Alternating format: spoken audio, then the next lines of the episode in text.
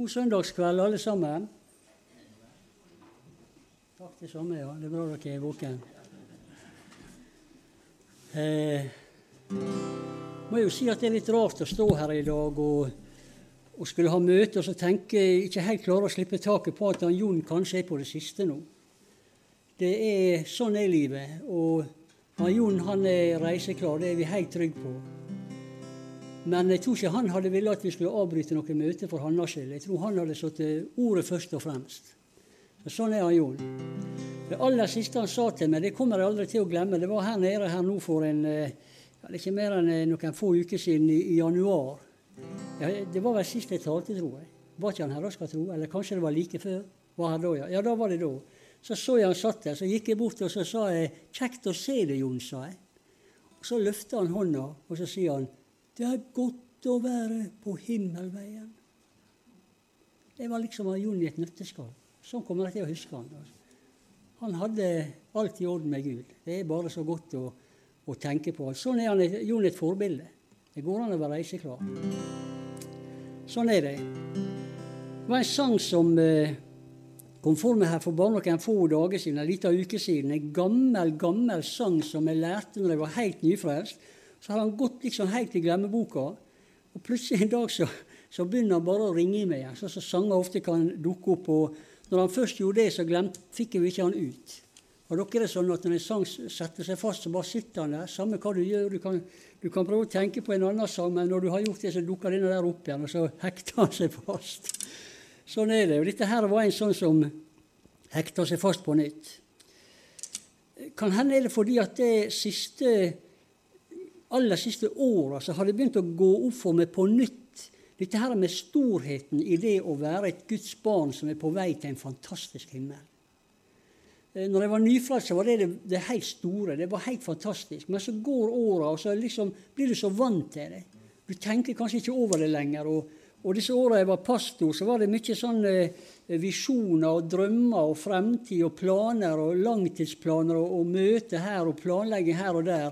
Da er det lett at eh, disse tingene kommer litt ut i sidefeltet av synet, for å si det sånn.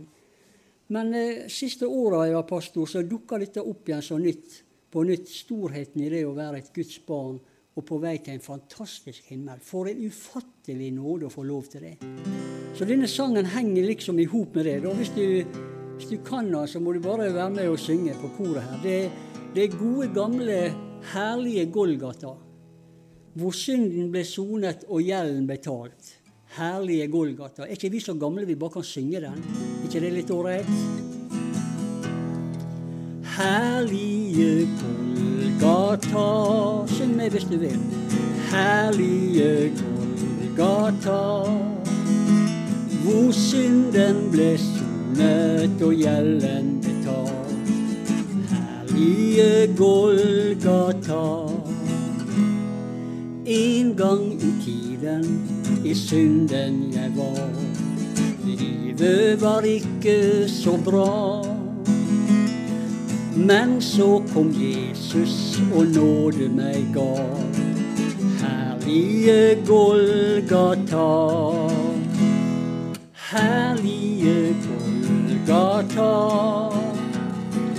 Herlige Golgata hvor synden ble sonet og gjelden betalt. Herlige Golgata. Jesus tok synden og satte meg fri. Frelst ifra lovens krav. Nå kan jeg synge en ny melodi. Herlige Golgata. Herlige gata. Herlige gata. Hvor synden ble sonet og gjeldende tar. Herlige Golgata. Hellige Ånden som pant på min arm. Jesus av nåde meg gav. Hjertet han fylte med kjærlighet varm. Herlige Golgata. herlige Golgata. Herlige Golgata. Hvor synden ble sonet og gjelden betalt. Herlige Golgata. Ja, herlige Golgata. Herlige Golgata. Hvor synden ble sonet og gjelden betalt. Herlige Golgata. Den er fin, altså. Og så må jeg få ta en til. Da. Nå er vi i denne her eh, Nå er vi i gamle dager her, holdt på å si. Så det blir en til av disse aller første sangene jeg lærte. Faktisk er dette den aller første som jeg aldri har glemt. Og denne her har jeg sunget alltid, alle, alle de år og mange plasser. Og det er også en sang som jeg tror dere nok kjenner. Synger med på koret, skal vi se. Mm.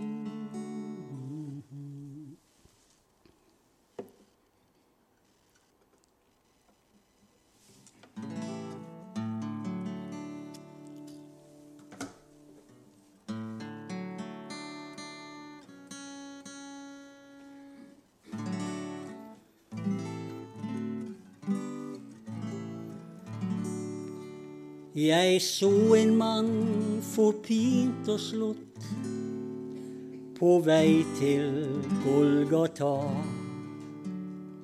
Hans vandring var så smertefull, et kors de på ham la.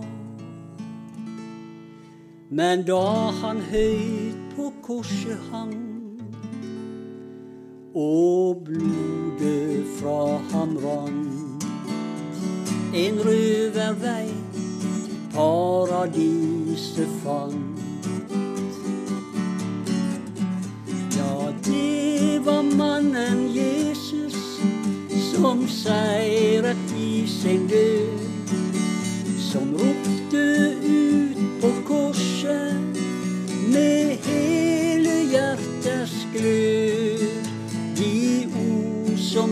rystet himmelen og Satans åndemakt.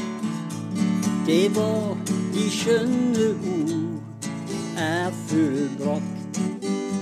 Jeg skjønte at denne der gikk for høyt.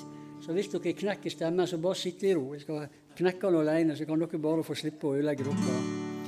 De la hans knuste legeme i graven mørk og kold.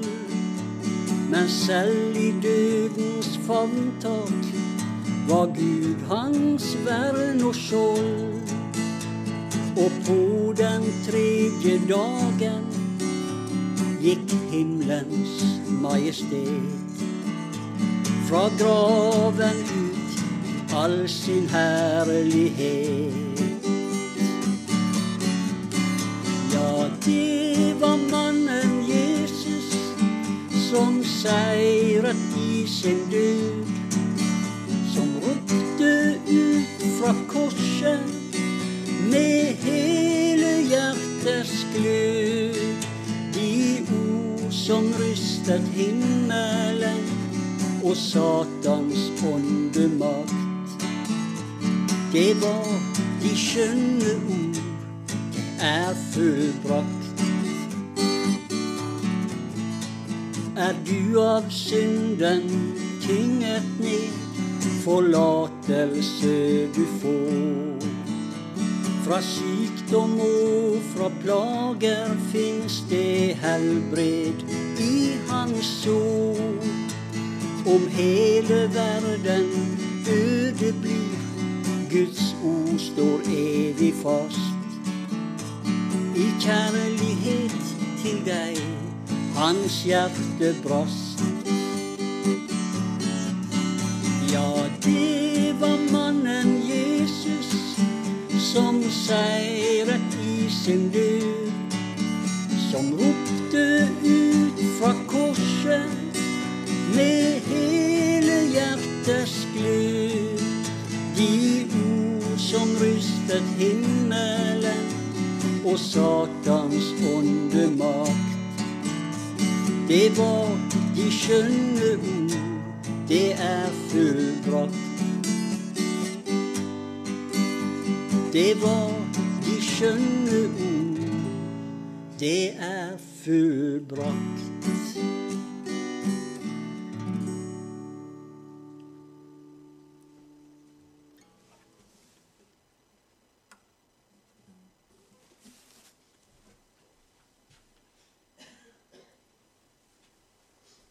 Og vi kan vel si at det er dypest sett den mora som samler oss her. Uansett hva temaet er, så er det det var de skjønne ord, det er fullbrakt. Vi, vi ber litt før vi går inn i ordet. Herre, vi priser deg, og vi tilber deg, Herre, og vi lover ditt fantastiske navn, Jesus, som er et frelsernavn, som er over alle andre navn, Herre. Og i ditt navn så var det fullbrakt, Herre, og så åpner du himmelporten for oss arme mennesker, Herre, som sliter med synd og med tanker, med alt som egentlig ikke er til behag, Herre. Men når du sa fullbrakt, så åpner du himmelveien, Herre. Da utrant du litt blod, sånn at vi kunne bli frelst. Selv vi kunne bli frelst, Herre. Vi priser deg for himmelveien i Jesu navn. Halleluja. Amen. Det er godt når det er godt å være frelst. Vi er, vi er jo inne i et tema her nå som vi har kalt for 'Vår tid i lys av det profetiske ord'. Og eh, dere som var her, Hvis dere var her forrige gang også, så husker dere at jeg sa at eh, jeg kommer til å dele i to. Jeg sa at det der, der er tre sånne profetiske linjer i Bibelen inn mot endens tid. og Det er denne linja med Israel og Midtøsten. Så, og så vet vi ut fra profetiene hva vi forventer oss der i endens tid. Vi vet at alle jødene skal tilbake. Vi så på noen skriftord som sier alle skal tilbake til det gamle landet. Og så vet vi at nå er omkring halvparten, eller bortimot halvparten av jødene de er nå tilbake til Israel. Tilbake i Israel. Og så så vi at det der var en del navngitte land i Bibelen. Land i nord, Etiopia. Jeg lurer på om jeg ikke nevnte også denne profetien i Jemen eh, om han som så dem reise hjem på vingene en sølvfugl. Nevnte ikke det også? Han, han, Gud talte til en rabbiner i Jemen på 700-tallet og sa at det kommer en dag når de skal hente dere hjem til det landet jeg ga deres fedre Abraham, Isak og Jakob i arv, på vinger av en sølvfugl. og de skjønte jo ikke hva det var, vet du. Men i 1949 så hentet de igjen nesten hele den jødiske kontingenten i Jemen på sølvglinsende Dakota-fly. Fantastisk. Det er fordi at det, Gud våker over det profetiske ord, og når Guds time kommer, så blir det oppfylt. Og så har det vært noen eksempel også da på at det profetier har vært lagt ut som oppfylte, men så var det egentlig ikke den profetien. Og det er fordi at det, noen ganger så kan tida ligne litt på profetien. Men når profetien blir oppfylt, så vil det stemme helt nøyaktig, og alt vil stemme. Så vi trenger ikke å lage det mer spennende enn det. Det er mer spennende allerede. Så vi må bare vente på den rette tid, så kommer alle disse tinga i tur og orden, sånn som Gud har sagt. Og Gud har, Gud har fortalt i, i, Bibelen at det, eller, eller, sagt det på denne måten Se, jeg har sagt dere det før det skjer, for at dere skal tro når det skjer. Altså Det er troens ord også. dette her. Når vi ser profetiene gå i oppfyllelse, så gjør det noe med troa vår. Vi ser at Gud er på ferde, og så styrker det troa. Og så har vi noen eksempel også på at folk har faktisk kommet til tro ved at kristne har vist dem profetiene og, og sagt se her, dette går i oppfyllelse ifra det profetiske ord. Kjenner en, en kar eh, ikke så langt unna her som ble frelst fordi noen viste ham profetiene. Kom til tro, er herlig frelst en dag i dag. Så det er troens ord også. Jeg har sagt dere det før det skjer, for at dere skal tro når det skjer. Så Israel er ei av disse linjene i endetida som vi skal holde øye med. Og så sa jeg den andre linja, det er menigheten. Hva skal skje med menigheten i endens tid? Det skal vi snakke litt om i dag. Sist snakka vi litt om Israel. Det er jo mye mye mer enn det som vi var inne på. Men i dag skal vi snakke litt om hva Bibelen sier om menigheten i endens tid. Og så sa jeg vel også at eh, jeg vil komme inn på litt av hva Bibelen sier om verden i endens tid. Det er de tre linjene. Men det, det, rekker ikke i dag, så det kan vi kanskje gjøre en annen gang. Da. Men i dag vil jeg sette fokus på menigheten. Og det, det, vi kommer til å se her nå Nå forskutterer jeg litt, men vi skal, vi skal finne skriftordene ganske fort. Men det vi kommer til å se, det er at det, det ser ut som om, må vi si, for vi skal være litt ydmyke i forhold til dette også, for det er veldig mye å lese, og det, det, tar lang tid å sette seg inn i det. Men det ser ut som, for meg, at det kommer til å utkrystallisere seg to retninger innenfor den globale menigheten i endens tid. En frafallsdel og en vekkelsesdel. Skal vi, dere skal få noen knagger her etter hvert som vi skal lese noe og, og henge disse tingene på.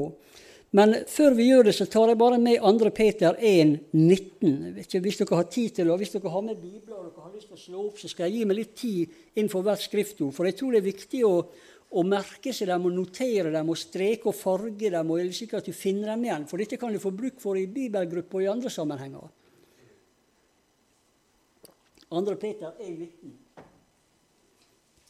Det er jo dette her kjente Vi lar det være som en sånn ramme her. bare i dag. Dess fastere står det i denne her eldre oversettelsen. Nei, Har teksten kommet på veggen her av sangen min? Må si ifra. Jeg kan jeg følge med der.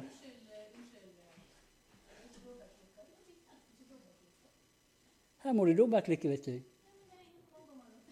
Der. Nå klikker du dobbelt. Så bra. Eh, 2. Peter 1,19. Og desto fastere har vi det profetiske ord. Og så, og så, trykker han på et punkt her som dere gjør vel i å akte på. Altså Det er helt tydelig at Den hellige ånd vil vi skal granske profetordet i Bibelen. Vi, vi, gjør vel i å akte på det. Akte betyr å holde godt øye med det, lese det, studere det, følge med på hva som skjer. Eh, som på et lys som skinner på et mørkt sted og Når det gjelder profetiske ord, så er det mørke stedet det er fremtida. Det er ingen som ser inn i fremtida. Den er belgende mørk. Vi kan ikke se fem minutter inn i fremtida. Men vi har noen profetord som lyser opp noe, gir oss noen glimt inni der likevel, slik at det kommer ikke som en stor overraskelse når det blir oppfylt. Vi visste det på forhånd. Vi hadde lest det på forhånd. Vi hadde noen lysglimt som lyste inn i fremtida, inntil dagen lyser frem og morgenstjernen går opp i deres hjertesider. Så, så, Bibelen vil at vi skal akte på det profetiske ord. Eh, av og til så, så, ser jeg for meg dette her eh, Hvis du sitter og venter på nyhetene, så får du noen glimt av programmer som kommer utover kvelden. Har du sett det? Får du liksom eh, 'Mesternes mester' og hva det heter. Jeg husker, jeg husker første gangen jeg så i, i avisa i annonse om 'Mesternes mester', så sier jeg til Birgit å, det skal være et kristent program midt i beste sendetid. sier Dette må vi jo få med. Men du vet, de hadde jo ramla helt av, dem der. Det var ikke, hadde jo ikke noe med han å gjøre. Jeg kunne ikke skjønne hvem andre det kunne være. liksom.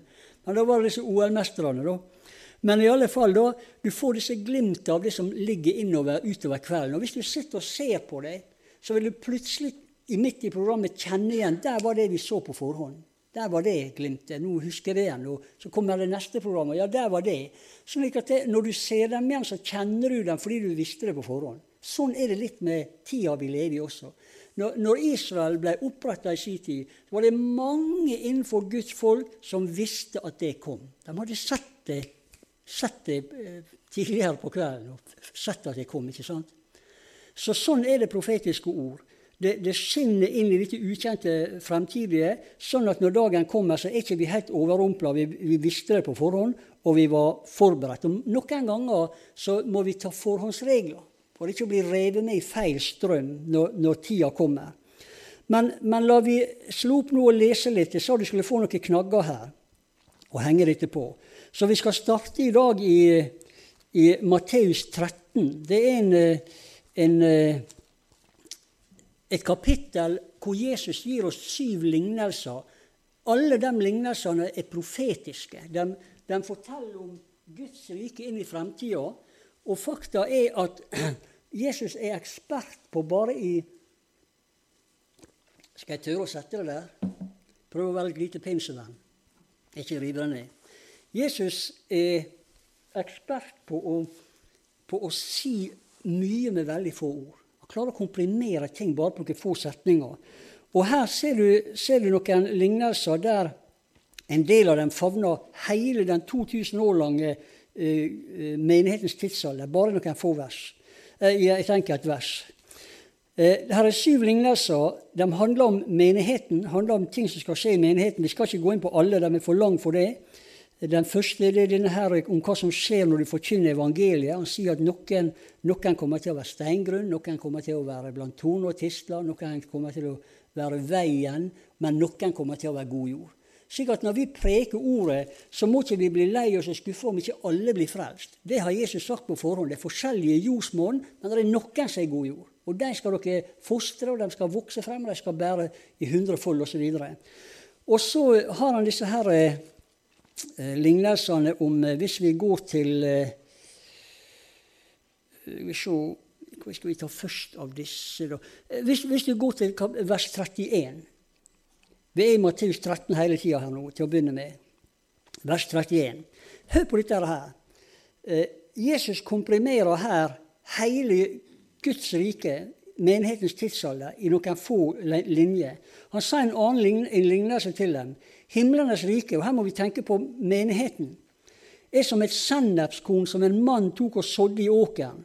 Så sier han det er mindre enn alle andre frø.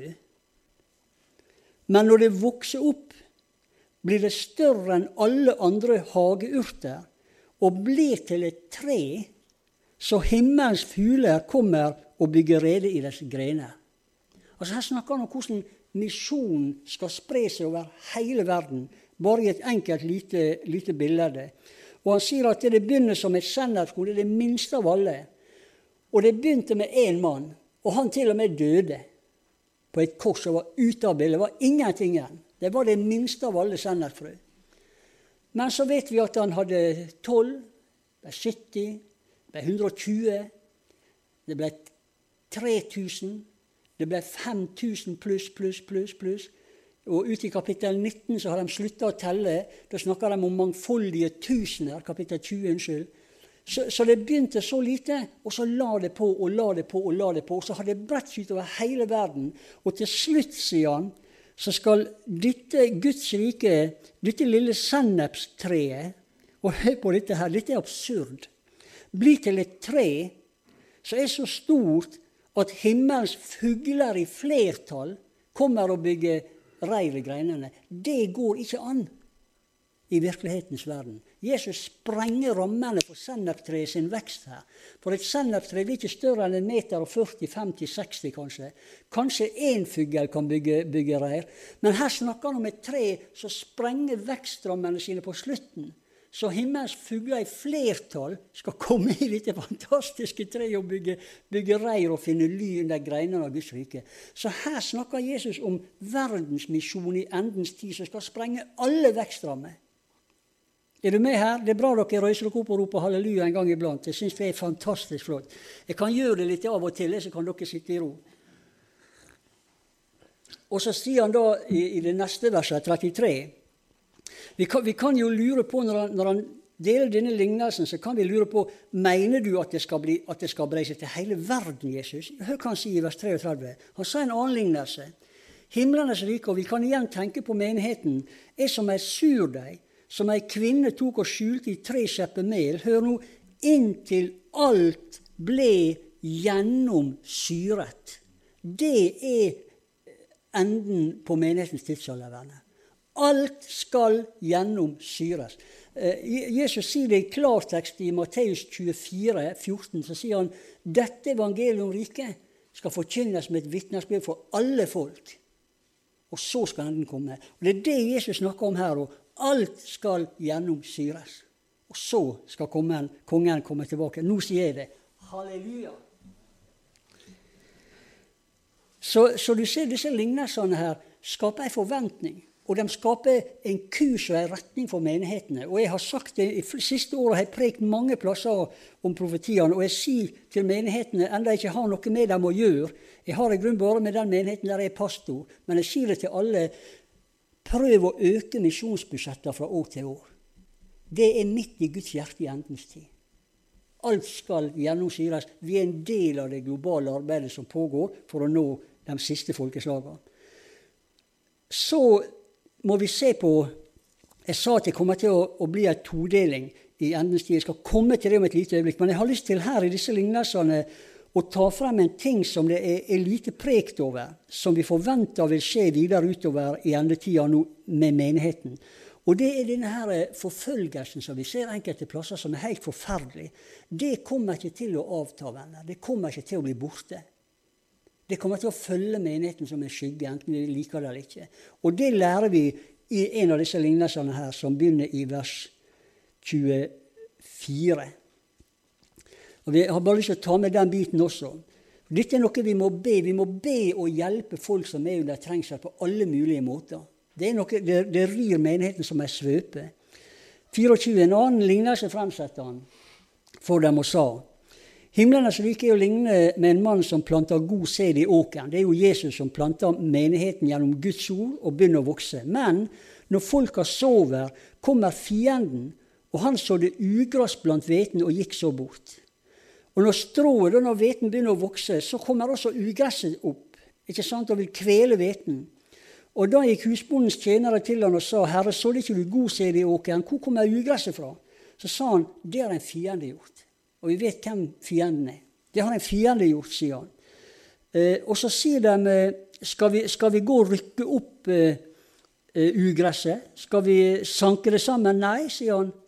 Og det, det, er jo det første vi vil tenke oss. Skal ikke vi fjerne ugresset? Det er jo det vi gjør når vi får ugress i, i hagen. Vi flytter det, tar det vekk. ikke sant? Men Jesus sier nei, ikke ta det vekk. For da kan dere skade også ugresset sammen med. La dem begge vokse sammen inntil høsten. Og når høstfolka kommer, så skal jeg si til høstfolka sank ugresset sammen og bind det i bunter og brenn det opp, men la hveten samles inn i min låve, sier han.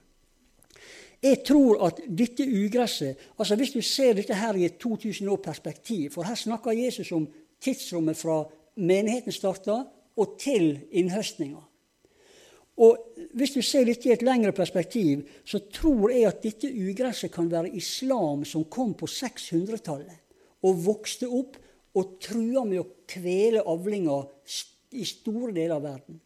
I dag vet vi via litteratur fra Fjernøsten som er oversatt til engelsk for en 10-15 år siden, vi har visst lite om dette før det, at østover karavaneveiene så planta eh, kristne menigheter i, i, i 300-400-500-600 år. Og det vokste og grodde opp kristne kulturer østover langs karavanerutene. fordi at det, eh, disse, karavane, disse her salgsfolka de fikk med seg evangeliet fra, fra middelhavsområder, fra Romerriket. Så tok de det med seg østover, og så begynte de å vitne, og så planta de disse østover. Samtidig som det etter hvert da ble sendt misjonærer også østover. Så det var mange mange, mange grupper kristne i det fjerne Østen i, i løpet av de første hundre åra. Men når islam kom opp, som med rette kalles sverdets religion det, Nå snakker jeg om det grunnleggende eh, korantro islam. Jeg har Koran hjemme, jeg vet hva det handler om. Når den kom, så slakta de ned disse koloniene for fote. De drepte tusener på tusener på tusener av kristne i en rekke sivilisasjoner østover. Det var et ugress som røyste seg opp, og det kvelte hveten.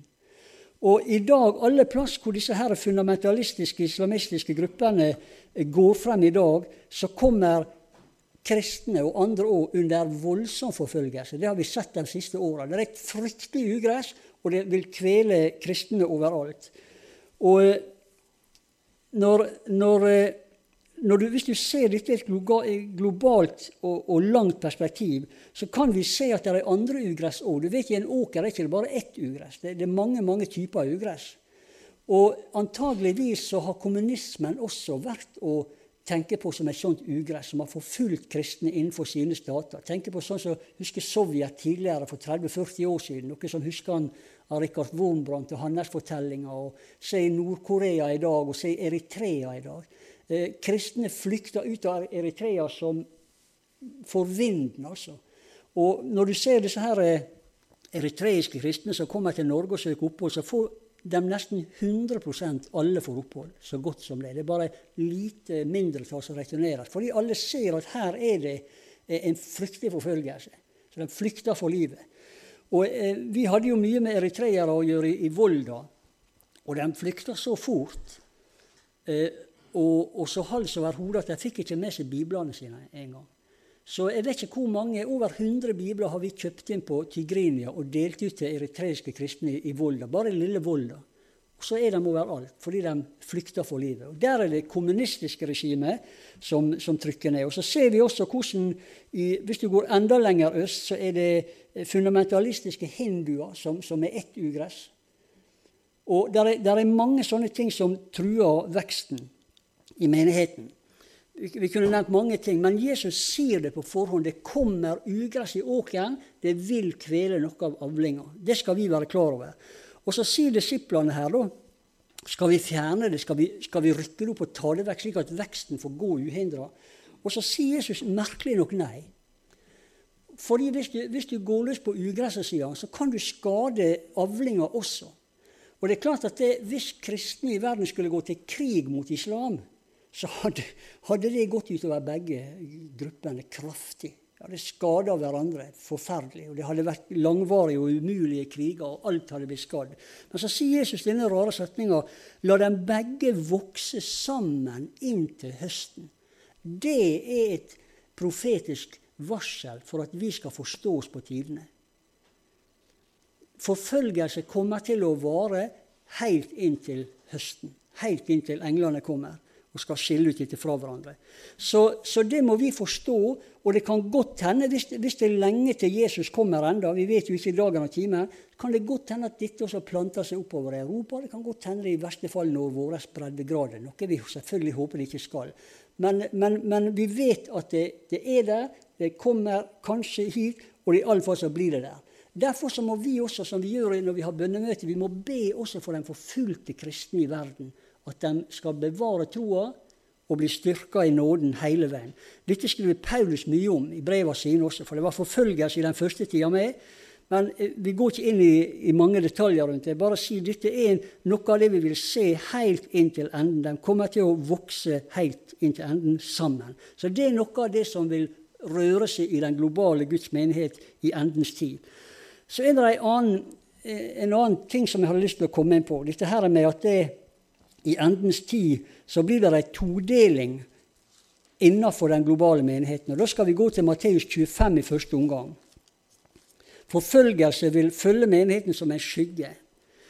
Men det er også en annen fare som truer avlinga. Det er denne todelinga der det ser ut for meg som at en stor del av, av den globale menigheten kan, Umulig å si noe kirkesamfunn her og nå vil, vil falle fra i endens tid mens en annen del vil fortsette å brenne og bringe evangeliet til syvende og sist ut til alle folk. Så Matteus 25 Der taler Jesus igjen en lignelse om Guds rike. Han snakker igjen om menighetens tidsalder. Og Her sier han fra vers 1 da, at dette er å sammenligne med ti jomfruer, eller brudepiker, eh, som tok lampen og gikk ut for å møte brudgommen. Altså, Dette er helt inn på bryllupsfesten. Dette er helt inn på bortrykkelsen. Dette er det aller siste i menigheten. Fem var dårlige, fem var kloke. De dårlige tok lampene, men de tok ikke olje. Eh, altså, De hadde ikke reservekanner, da, så de hadde olje i. Men de kloke tok olje i kannene sammen med lampene.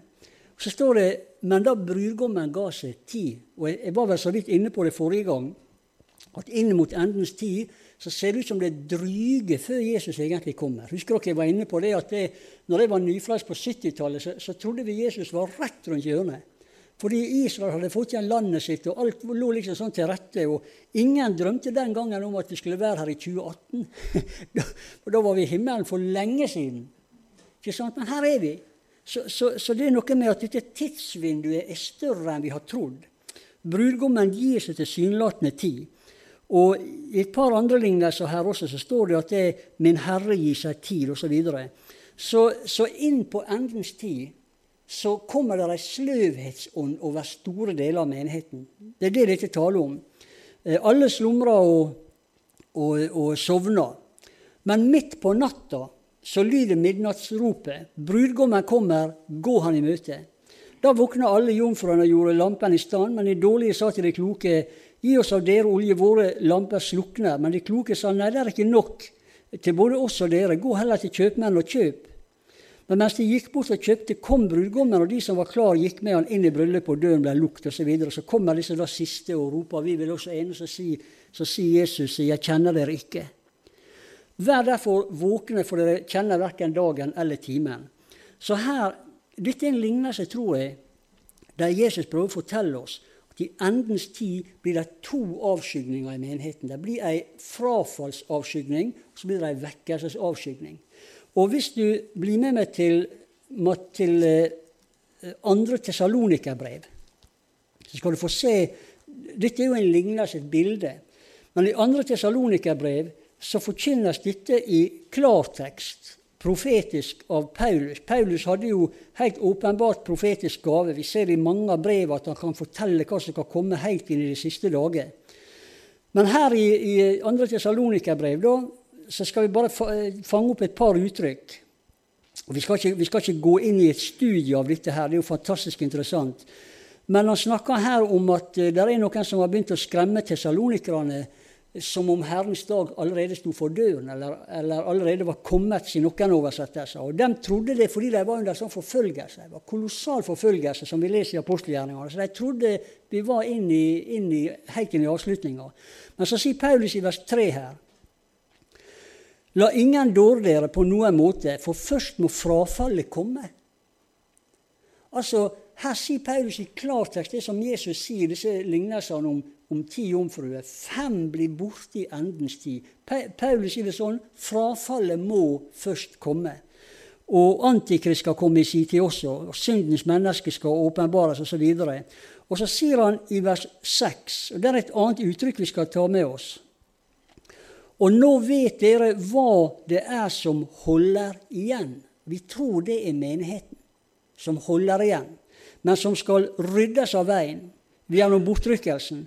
Og så vil Antikrist sine veldige trengsler og veldige regime velte innover jorda. Men det er en liten gruppe som holder igjen. Og dette tror jeg, dette tror jeg er en, en klar tekst av denne lignelsen om fem dårlige og fem kloke. Der er, der er, en stor del av det, av det, kirkelige landskapet som kommer til å falle fra. Men det kommer til å være fem kloke også. Og disse kloke som har eh, olje på lampene som er full av Den hellige ånd, de kommer til å holde igjen inntil tida er moden for Antikrist sine, tider, hærer og, og, alt det som vi leser om der. Så, så, igjen så ser det ut som at det i endens tid så utkrystalliserer det seg to grupper. Fem kloke, fem dårlige. Og eh, Homassi eh, holder på å gå gjennom nå på disse her bønnemøtene våre ute i på onsdagene i Philadelphia disse her brevene til, til de syv menighetene i Johannes' åpenbaring. Uten at vi skal gå inn på det nå, så ser det ut som, da, hvis vi forstår dette riktig For dette er også vanskelig, og vi skal være litt ydmyke i, i tilnærminga. Men det ser ut som at disse to eh, siste menighetene, som er, er Laudikea og Philadelphia Hvis vi leser disse her kirkehistorisk, så ser det ut som at det er to typer menigheter som er på jorda samtidig i endens tid. For begge to får et løfte om Den, den ene får et løfte om at eh, de skal fjernes, rykkes ut av denne, denne prøvelsens stund som skal komme utover jorda, som, som kanskje er et bilde på trengselen, og menigheten som skal ryddes av veien. Og den andre menigheten får høre dette se jeg står for døren og banker. ser ut som om Jesus er, er like ved å komme. Og hvis det er en rett forståelse, det som vi leser her, så er dette også et varsel om at det er to typer menighetsbilde i endens tid. Ei Philadelphia-menighet som er under trengsel. De har avslørt de falske apostlene, profetene, lærerne. De har avslørt falskheten. De har holdt ut og tålt veldig mye. Og, og, de har tatt vare på ordet med tålmodighet. De har tatt vare på ordet med tålmodighet. For det er noe av nøkkelen i endens tid. Ved å, ved å preke hele ordet, så holder vi igjen. Ved å, ved å utelate deler av ordet, så slipper vi frafallet. Så det, det, å holde igjen, det er å preke hele Guds ord. Alt, både det populære og det upopulære. Så disse her, denne ene gruppa har holdt igjen, mens den andre gruppa de får ikke ros for noe som helst. De får bare, bare eh, negative kommentarer. Du er verken kald eller varm, sier han. Men du er lunken. Altså, Dette er så åpenbart navn, folk som har navn av å kristne. Men de verken brenner eller er ikke-kristne. Men de er en sånn lunken, diffus mellomtilstand hvor de nok ikke brenner. De har ikke olje. De hører til den frafallsdelen. Så, så hvis vi leser dette riktig, så vil det i endens tid skilles ut to grupperinger innenfor menigheten. Frafallet må først komme, men det er en gjeng som holder igjen også. Det er grupperinger som holder igjen og bremser opp. Og Jeg tror dette er de fem kloke, eh, fem dårlige og de fem kloke jomfruene. Og jeg tror at disse fem kloke det er dem som bl.a. skal være med å sluttføre misjonsoppdraget. Det, det, kommer ikke de fem sløve til å gjøre. Det er ikke det som er deres interesse. Men de fem kloke de kommer til å være på den sida som fullfører misjonsoppdraget. Jeg tror at frafallet allerede er kommet langt inn i menighetene. Jeg kan bare si nei. Men jeg tror frafallet er kommet langt inn i menighetene. Ikke minst i, kristne, i det kristne Vesten. Det som en gang var misjonsutsendere, og som en gang var frontmenigheter, og som en gang spredte evangeliet utover hele verden. I disse landene i dag så tror jeg vi ser et frafall som er mye lenger kommet enn vi våger å tro og tenke på. For eksempel, bare for å nevne i stikkordsform, noe som jeg tror ligger under dette frafallet må komme. I dag er det nesten ingen i menigheten lenger som konfronterer skilsmisse og ulovlige gjengifter. Det er bare dysser ned. Stilletiende. Eh, I dag ser vi også hvordan homofilt samliv velsignes. Altså, hvordan kan, hvordan kan kristne menigheter velsigne det som Bibelen kaller for en vederstyggelighet for Gud. Jeg forstår ikke at det er mulig. Men dette skjer midt i menighetene. Og jeg, jeg leste nå hun, eh, hun, eh, nye som ble eh, biskop i Oslo. Hun heter Kari Veiteberg. Hun var intervjua. Hun er jo biskop. Nå snakker vi om bispekollegiet her. Hun, bisk, hun, er biskop nettopp satt inn i Oslo. Og hun sier at hun vil gjerne åpne menighetene. Og Så spurte de ja, hva du vil åpne den for. Åpne menigheten for det. Så svarer hun hun vil åpne menigheten for prester som lever i samboerskap. Altså, Er ikke det å åpne for frafall, da? Er ikke det å åpne for frafall? Altså, Frafallet må komme. Fem dårlige må skille seg ut. De har ikke bekjennelsen, den rette bekjennelsen. De har ikke gjenfødelsens olje i hjertet sitt. Og de har ikke fylden i hjertet sitt men de, de fronter snarere frafall. Og det er en annen retning som jeg ser nå, som jeg tror kommer til å få større og større plass i kristenheten. Og dette frafallet som jeg snakker om nå, banker på våre dører også, venner. Jeg vet ikke om dere er klar over det. Banker på våre dører også. Men vi kommer til å se en retning som, som kalles for eh, eh,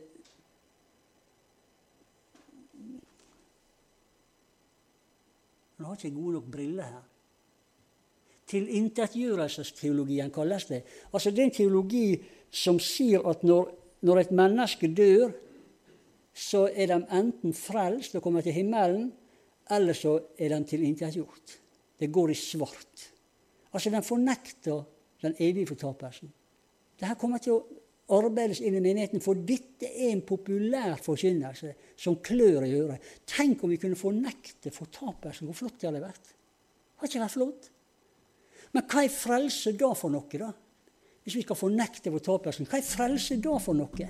Det er ikke en hobby vi inviterer til, det er ikke en klubb vi er med i. Vi er jo frelst fra en fryktelig fortapelse.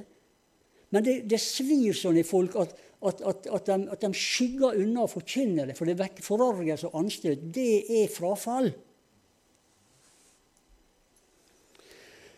Uh, jeg, jeg, blir, jeg, jeg blir forarga når når jeg preiker om dette. Men dette er nødvendig å sette ord på, venner. For Bibelen sier dette kommer, og vi må holde igjen. Vi må bremse det. Vi, og ikke bare holde igjen, men om det er mulig, så må vi skyve det tilbake. Og det tror jeg vil være mulig. Noen plasser vil vi komme til å skyve det tilbake. Men alt i alt så vil et frafall ete seg inn, og vi må være nøye med å stå imot det. Frafallet må først komme.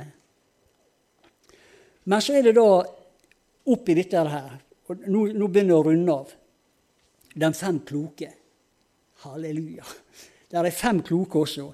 Og det står i Åpenbaringa 1907 Nå er vi helt inn på avslutninga. Nå er vi helt inn på det aller siste.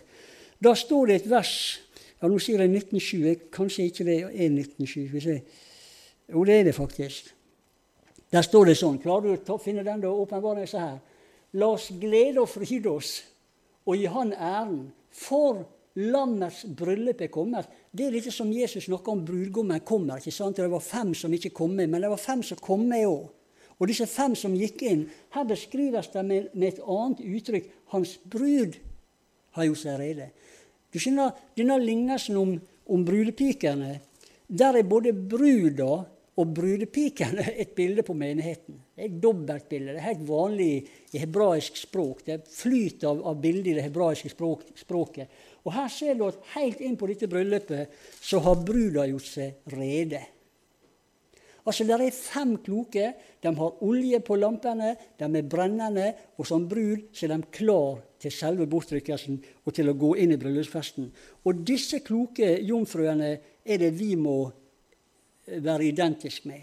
Og Det handler om å ta imot Jesus, det handler om å bli født på nytt, det handler om å søke å bli fylt av Den hellige ånd, og, og være ei motkraft til frafallet. Også være ei kraft som har fokus på å fullføre misjonen. Ikke bare i fjerne strøk, men også i nærmiljøet vårt. Nærmiljøet vårt er vårt evangeliseringsnedslag. Det, det er hovedoppdraget til menighetene. Det er nærmiljøevangelisering, og det er fjernmisjon. Det er hovedoppdraget vårt. Jeg har sagt det noen ganger at det, det er bare én grunn til at Jesus faktisk tar sjansen på å holde oss her nede etter at vi har blitt frelst. For han risikerer jo noe med å holde oss her i mange mange år. Vi kan jo falle fra, og noen gjør det. Så det er en veldig risk å ta. Så hvorfor henter ikke han oss hjem fortløpende, så er, vi, er, vi, er det gjort? Er Det er fordi vi har et oppdrag. Vi har et oppdrag. Han trenger menigheten her på jorda. Han kunne brukt englene til misjon, men han gjør ikke det. Han bruker menigheten. Han kunne brukt englene til evangeliseringa. Han gjør ikke det heller, han bruker menigheten. Så Gud har bare én plan med dette, og det er menigheten. Han har ingen plan B. Så hvis vi svikter, så går folk fortapt. Dette er alvoret i det. Men disse fem kloke det tror jeg er en vekkelsens kristendomsmentalitet i, fordi de har denne oljen som brenner. og De kommer til å pushe på og de kommer til å pushe på misjon og de kommer til å pushe på evangelisering. Og jeg tror disse fem kloke kommer til å vinne mange mennesker i endens tid. For husk på det at det, eh, det står noe om at når hav og brenning bruser, så skal folk få gå av engstelse fortvilelse og nød, da kommer det til å være behov for noen som kan gi folk noe midt i, i, i frykten og i angsten og i faren og alt det som skjer i endens tid. Det kommer til å være behov for noen kloke som kan fortelle det fins en frelser. Det fins en mulighet til å unnslippe. Det fins en nåde. Det, finnes, det, går an å, bli, å få fred med Gud osv. Så, videre. så disse fem kloke de kommer til å være en motkraft mot frafallet. De kommer til å være en kraft som pusher på for evangelisering og sjelevinning. Og det kan jeg si også at når det gjelder evangelisering, så syns jeg har, når jeg var i Volda, så hadde vi sånn bibelstand på, på, på kjøpesenteret. Vi delte ut bibler på over 20 språk i lille Volda. Fantastisk. Misjonen er kommet til Norge. Men jeg kan si dere det, det er lettere å snakke med folk i dag om Jesus enn det var på 70-80-tallet når, når, det var liksom vitenskapen og det var marxist-leninismen og vi, vi, vi, hadde jo disse her konfrontasjonene med folk. I dag er det nesten borte. Folk er av et annet sinn i dag. Folk er litt mykere. Og du får ikke disse veldige konfrontasjonene når du snakker med folk. Så det er på en måte, Norge er blitt en mer åpen dør for utadrettet virksomhet i dag, syns jeg, da, enn det var for 30 og 40 år siden.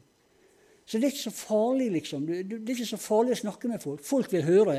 Og ikke minst, og i særlig grad folk som kommer fra andre kulturer, de har gjerne en, en eh, religiøs tilknytning, i alle fall. Folk er stort sett religiøse i, i, i fjernere kulturer, så de er lettere å snakke til om Jesus enn nordmenn flest. Men også nordmenn er åpne i dag. Men, men la jeg avslutte litt konkret. Og hva vil det si å holde igjen? Hvordan holder vi igjen? Jo, f.eks. Eh, jeg gleder meg når jeg ser kristne skrive i avisene. Skrive motinnlegg i avisene. Det er å holde igjen. Eh, jeg så nå i uka som var i Dagen, f.eks., så, så så jeg at to av disse her eh, homoliberale innenfor kirka, jeg husker ikke navnet på disse lenger, som har kjempa gjennom disse her eh, nye vigselsritualer og greier, de skriver i Dagen og, og forsvarer veldig sterkt aksept for homofili en dag i uka som var nå. To dager, de, Men de hadde jo ikke et skriftord å bruke. Det var ikke et skriftord å bruke på det. To dager etterpå så fikk de i løpet av to dager seks motinnlegg. Seks stykker reagerte og skrev imot, og de skrev dyktig. De, de, de hadde masse gode skrifter. og de, Når jeg leste den innleggene, så tenkte jeg disse pusher tilbake. Ikke bare de holder igjen, men de pusher tilbake. Og folk som leser disse innleggene, kommer til å forstå mye, mye mer. Så, så dette er i praksis holde igjen. Det, det, er konkrete ting vi snakker om. Disse folka her holder igjen. Og noen er flinke å skrive, og de bør skrive også. Jeg skriver sjelden, for jeg er så kjøtete å, å, å, å, formulere meg skriftlig og at jeg blir helt flau. Jeg fikk noen i norsk. Det var den tida det var noen å få. Og skrive, Skrivebøkene mine er så fulle av rød streker, og jeg vil ikke tro det. altså. Mor mi, vet du, snill selvfølgelig, hun, kom til meg for noen år siden så sier hun, 'Per Ola, jeg har tatt vare på ei skrivebok fra du gikk på folkehøgskolen. Har du lyst til å se henne?'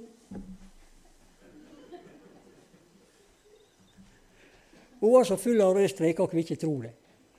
Så, så jeg, jeg er ikke god å skrive, da. Jeg har gjort det, men jeg ser det ikke bra. Men noen er god på det.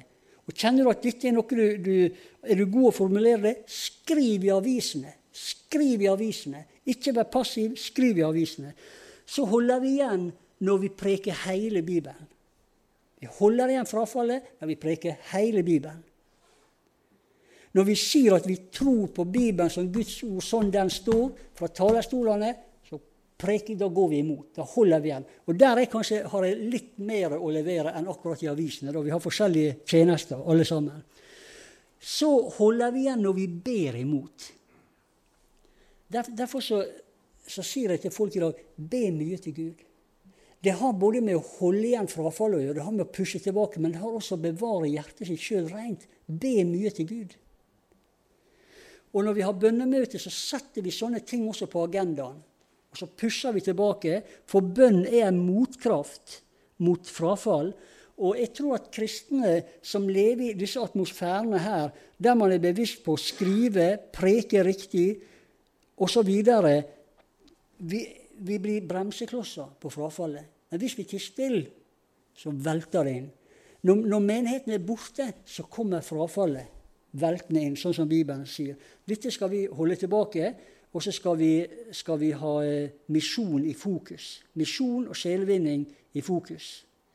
Eh, disse fem kloke tror jeg kommer til å være en pådriver for misjon. Kommer til å være en pådriver for misjon. Og så da, midt oppi dette Jeg runder kjapt av her nå. Eller kjapt, jeg pleier ikke å runde så kjapt av, men jeg runder litt av etter hvert her nå. Eh, tro Gud for hele tienden, folkens. Tro Gud for hele tienden. Ikke hold tienden tilbake, men tro Gud for hele tienden inn i menighetene. Ikke, ikke bare legg i børsa, for det, det, er nesten ingen som legger hele tienden i børsa. For det, tienden er ganske stor. Men vi putter noen sedler i, i, i børsa, vi tenker at det er ålreit, men det er nesten aldri hele tienden. Sjekk hva tienden er. Tro Gud for hele tienden inn i menigheten. For det jeg har sett, det er at i disse åra som jeg har vært pastor nå, der pastorene preker tiende, der har de så sterk økonomi. Og da må også regnskapet være synlig og, og gjennomsiktig og ordentlig. Det må ikke være noe uryddig. Menigheten må ha tillit til økonomien. ikke sant? Men hvis du da også preker tiende Disse menighetene har alt de trenger til å nå alle sine visjoner, drømmer og mål. For du skjønner, menighet i dag koster ikke bare hjertet, det koster penger. Og Derfor har Gud gitt oss tienden. Tienden er Guds måte å finansiere Guds rike. Tro Gud for hele tienden. Jeg kunne snakka en time om hva Gud har velsigna oss tilbake økonomisk fordi vi ved Guds ufattelige nåde har våget å tro Gud for hele tienden, også under vanskelige forhold. Vi har vært så velsigna at dere ville ikke trodd meg om jeg begynte å snakke om det. Så Derfor er jeg veldig frimodig når jeg sier tro Gud for hele tienden. Og så har jeg lyst til å Helt til slutt, da. Helt til slutt. Når jeg sier 'be mye til Gud' Jeg husker når jeg, ble, når jeg, hadde vært frelst i sju år, så kom det et budskap her på Elim. Jeg har, jeg har nevnt det her tidligere. Og med en, gang, med en gang tungene kom, så visste jeg det var til meg. Det er bare to eller tre ganger i mitt liv jeg har fått et tungebudskap som jeg visste var til meg. Dette var det første. Da hadde jeg vært frelst i sju år. Og når det ble tyda, da, og jeg hadde da tatt opp papir og blyant, for jeg visste det var til meg. Så kom jeg tydninga sånn. jeg skal fornye det i ditt bønneliv. Det skal ikke lenger være et ork, men du skal ta tid for meg, sier Herren, og du skal begynne å tilbe meg. Og du skal begynne å be i Ånden, og jeg skal fornye ditt bønneliv. Sånn gikk det. Og det førte til at eh, med han Jon så fikk jeg meg en nøkkel, og så låste jeg meg inn her på Elim. Og så brukte jeg formiddagene her når jeg hadde eh, nattevakt eller kveldsvakt i brannvesenet. Så var jeg her på formiddagene når kona og ungene var på skolen. Og så førte Gud meg inn i en ny dimensjon av bønn, som inntil da bare hadde vært en teori, nemlig tilbedelse. Jeg hadde bedt til, men jeg hadde aldri tilbedt. Men i løpet av noen uker, måneder der, så førte Gud meg inn i tilbedelsen. Det har vært en kraft i mitt gudsliv i, i nå nesten over 30-35 år. Så jeg sier be mye.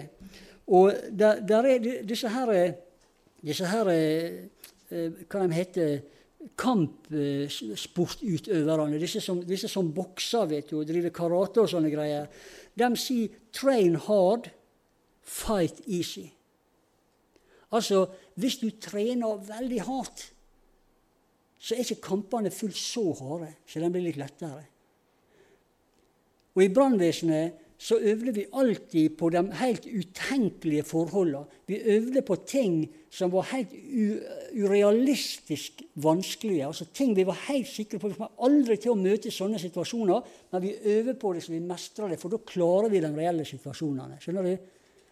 Train hard fight easy. Djevelen går rundt som ei brølende løve, og vi har kamp hele tida. Men hvis du train hard, hvis du bruker tid i bønn, så vil du fight easy. Så, så bruk tid i bønn. Det er viktig for ditt liv, det er viktig for menigheten, det er viktig for tida vi lever i. Vi skal være en motkraft mot et frafall. Vi skal være en pådriver i misjon og sjelevinning. Amen. Der tror jeg var ferdig. Var det ålreit? Vi ber litt. Herre, vi fortsetter å prise deg. Vi fortsetter å opphøye deg, Jesus. Det er ditt navn som er hellig, Herre. Det er ditt ord som er hellig. Det er ditt ord som er, er gyldig, Herre. Og vi ønsker å være ei menighet av disse fem som har olje på lampene. Herre. Vi ønsker å være en menighet av disse kloke. Vi ønsker å være en menighet som er fylt av den krafta som bare din olje gir, Herre. Vi ønsker ikke bare å holde igjen, vi ønsker å pushe tilbake. Og vi ønsker å se nye mennesker bli frelst, Herre, og vunnet og tillagt også denne menigheten. her. Og Vi vet at det, du kan sette himmelkreften i bevegelse over dette stedet, over denne bygda, Herre. Og du kan lokke og kalle og dra på mennesker på en helt annen måte enn vi kan gjøre med våre ord alene. Men vi ber også, Herre, om at vi skal være sånne som tør å snakke, tør å si fra, tør å fortelle om det, Herre. Vi vil se ditt ord gå frem på dette stedet, Herre. Vi løfter opp ditt navn, og vi priser det i Jesu navn. Amen.